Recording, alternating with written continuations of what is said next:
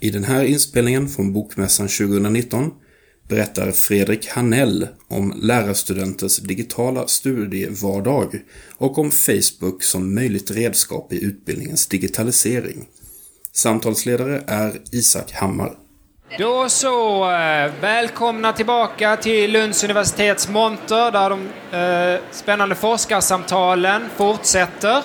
Eh, nu så ska vi prata med Fredrik Hanell eh, och om den här boken Lärarstudenters digitala studievardag. Informationsliteracitet vid en förskollärarutbildning. Fredrik Hanell är forskare i biblioteks och informationsvetenskap. Uttalade jag det där rätt? Helt korrekt. Ja, skönt. Eh, din avhandling, Fredrik, studerar något som du själv beskriver som eh, en av vår tids stora förändringskrafter i samhället, nämligen digitaliseringen. Eh, mer specifikt hur digitaliseringen påverkar förskollärarutbildningen, kan man säga va? Vi börjar så här, varför är detta ett eh, så angeläget ämne, tycker du?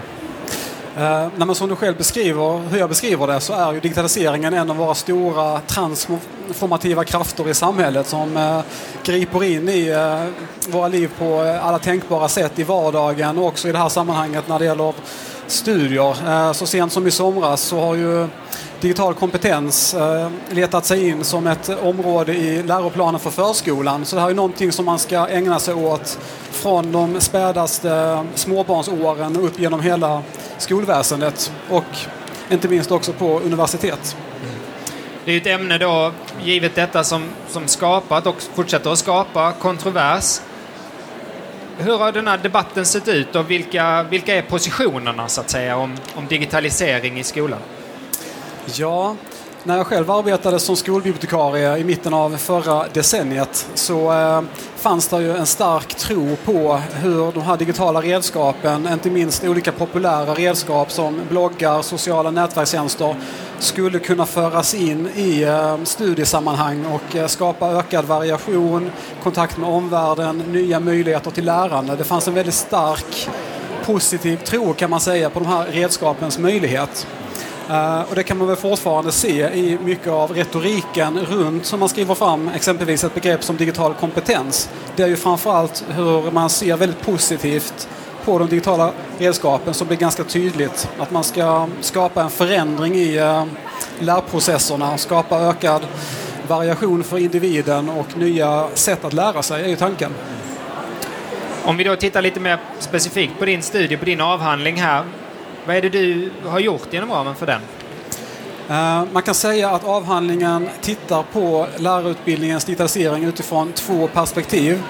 Dels utifrån vad som faktiskt händer på en lärarutbildning. Jag har gjort en etnografisk eh, undersökning där jag helt enkelt har följt eh, drygt 200 blivande förskollärare som läser en förskollärarutbildning Eh, och följt dem under ett antal år från 2012 fram till 2015, så i princip under hela deras utbildning.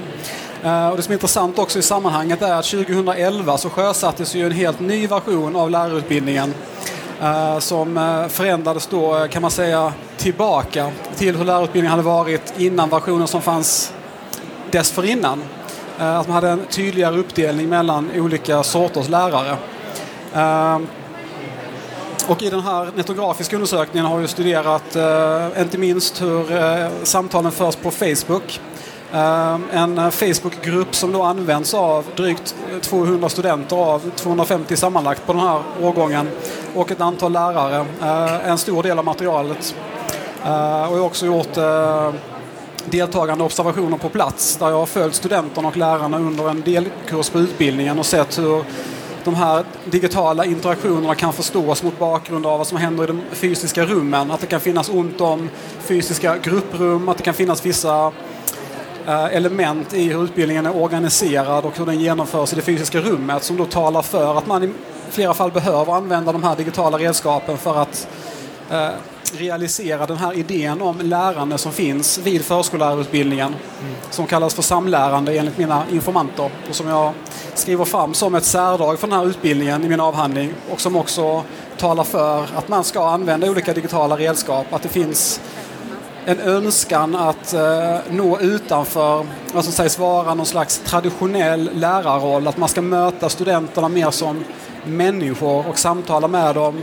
Eh, vara mer informell, inte ha den klassiska eh, auktoritetsbaserade lärarrollen. Utan mer att man möts som eh, människor. Använder mycket humor och eh, lite andra samtal kanske än i eh, konventionella föreläsningssammanhang. Och där spelar ju Facebookgruppen en viktig roll som sagt. Ja. Ett centralt begrepp här och som vi redan sett, ett, begrepp som kan vara svårt att uttala då. Informationslitteracitet. Vad är det för någonting? Det spelar en väldigt stor viktig roll här. Precis, och det är ju inte en helt lyckad försvenskning av ett engelskt ord som heter information literacy. Men eh, det finns inte några perfekta svenska översättningar. Här på Bokmässan så pratar vi mycket om medie och informationskunnighet. Det är ju eh, ett annat begrepp som ligger väldigt nära egentligen. Men jag har valt att knyta an till den här litteracitetstraditionen eh, som ju är ett klassiskt forskningsområde inom BOI. Och det handlar ju om eh, olika typer av informationsaktiviteter. Man kan dela information, hur man använder information, hur man förstår information i olika sammanhang. Så det handlar mycket om eh, meningsskapande aktiviteter i ett specifikt sammanhang kan man väl säga. Du har ju då eh, du pratar om det här med Facebookgrupper och hur de används och, och, och din deltagande observation här. Du, eh, vilka utmaningar finns det med det här att, att, så att, säga, studera digitala mönster på det här sättet? Nätgemenskap och lära känna sina studenter och sådär. Det här är ju liksom en, kanske på ett sätt en klassisk etnologisk fråga också hur man, hur man observerar och deltar utan att bli indragen. Men hur är det med just med den här nätgemenskapen? Är det några speciella utmaningar där? Nej, men som du säger så generellt så har du en utmaning när du sysslar med etnografisk forskning att Eh, du vill ju förstå deltagarnas perspektiv och för att kunna göra det så behöver du vara nära deltagarna och lära känna deltagarna. Eh, och visst är det så att man kommer ju varandra ganska nära som forskare och som deltagare. Eh, och det är en utmaning som man får hantera och vara medveten om vilka idéer man själv bär med sig, vilken eventuell påverkan man har på fältet. Men samtidigt så är det ju en förutsättning för att man ska uppnå det man faktiskt vill. Alltså den här djupare kunskapen och de här tjocka beskrivningarna av skeendena som ju etnografin är särskilt lämpad för. Eh, och i det digitala sammanhanget så skapar det ju nya möjligheter att eh, följa interaktioner på ett eh, annat sätt. För att i Facebook-sammanhang eller i bloggsammanhang så skapas ju innehåll och får en mer bestående karaktär i och med att det är skriftbaserat.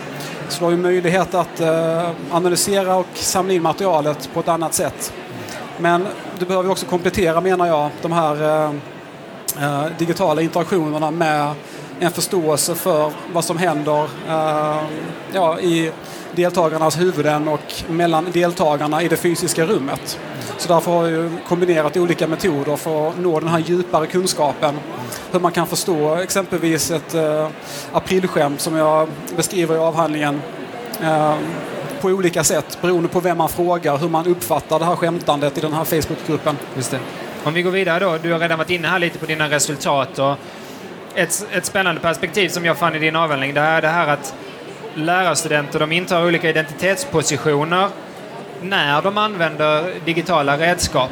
Eh, kan du berätta lite om det? Hur, hur du mm. har jobbat kring det och vad du har kommit fram till kring det? Ja, men precis. Uh, identitet menar jag ju är ett viktigt perspektiv för att förstå hur man tar sig an och använder de här olika digitala redskapen. Uh, och här finns det ju, menar jag, en tydlig koppling till vilken uh, syn på lärande som man har. Om man uppfattar lärandet som ett samlärande, som någonting som sker i mötet med andra och handlar mycket om öppna diskussioner.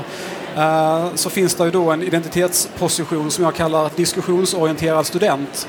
Som kretsar mycket kring att man eh, har ett öppet eh, sinne när det gäller vilken information som man kan dela i den här Facebookgruppen. Att det kan vara intressant också med ämnen som kanske inte direkt kopplade till utbildningen eller till förskoleområdet i allmänhet. Å andra sidan kan man ha ett mer instrumentellt förhållningssätt gentemot lärande, att man ser utbildningen som någonting som man ska klara av i syfte att få en examen och bli färdig förskollärare. Och då har man ett mer målinriktat synsätt där man kanske inte på samma sätt uppskattar de här friare samtalen och det här eh, skämtandet och det här relationsbyggandet och det informella som de diskussionsorienterade studenterna sysslar med. Och så finns det ju en eh, tredje position som är mer kopplad till eh, ett nyliberalt synsätt. Att man intar en kundorienterad identitetsposition och ser utbildningen mer som en vara och sig själv som en kund. Och det påverkar ju hur man interagerar med lärarna och vilka förväntningar man har på utbildningen. Att vissa saker ska levereras på ett visst sätt och man kan bli lite arg och missnöjd om det inte fungerar smidigt i ens ögon.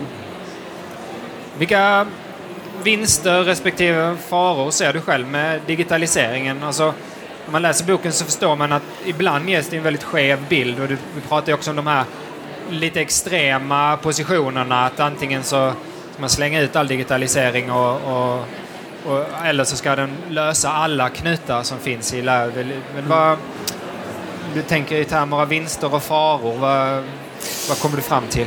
Alltså en fara är väl om man har ett för ensidigt eh, optimistiskt och kanske deterministiskt synsätt där man menar att de digitala redskapen kan lösa väldigt många olika typer av problem i eh, skol och utbildningssammanhang så kan man ju riskera att hamna lite fel. Ehm, och den här övertron har det väl funnits eh, inslag av i materialet. Eh, att det finns en ganska ljus bild av de digitala redskapen, att de förväntas kunna tillföra mycket. Ehm, så att en, en viss eh, kritisk medvetenhet och en viss eh, reflexivitet inför de här så kallade nya digitala redskapen är väl sunt att ha med sig. Eh, skola och utbildning har utvecklats under ganska lång tid. Eh, uh, det finns ju ett antal praktiker som har utvecklats under århundraden, under årtusenden som man kanske inte ska avfärda allt för snabbt. Bara för att man ser nya och lockande möjligheter som erbjuds av nya digitala redskap. Vad tror du ligger bakom den här liksom viljan att, uh, uh, att tillskriva digitalisering en så stor potential?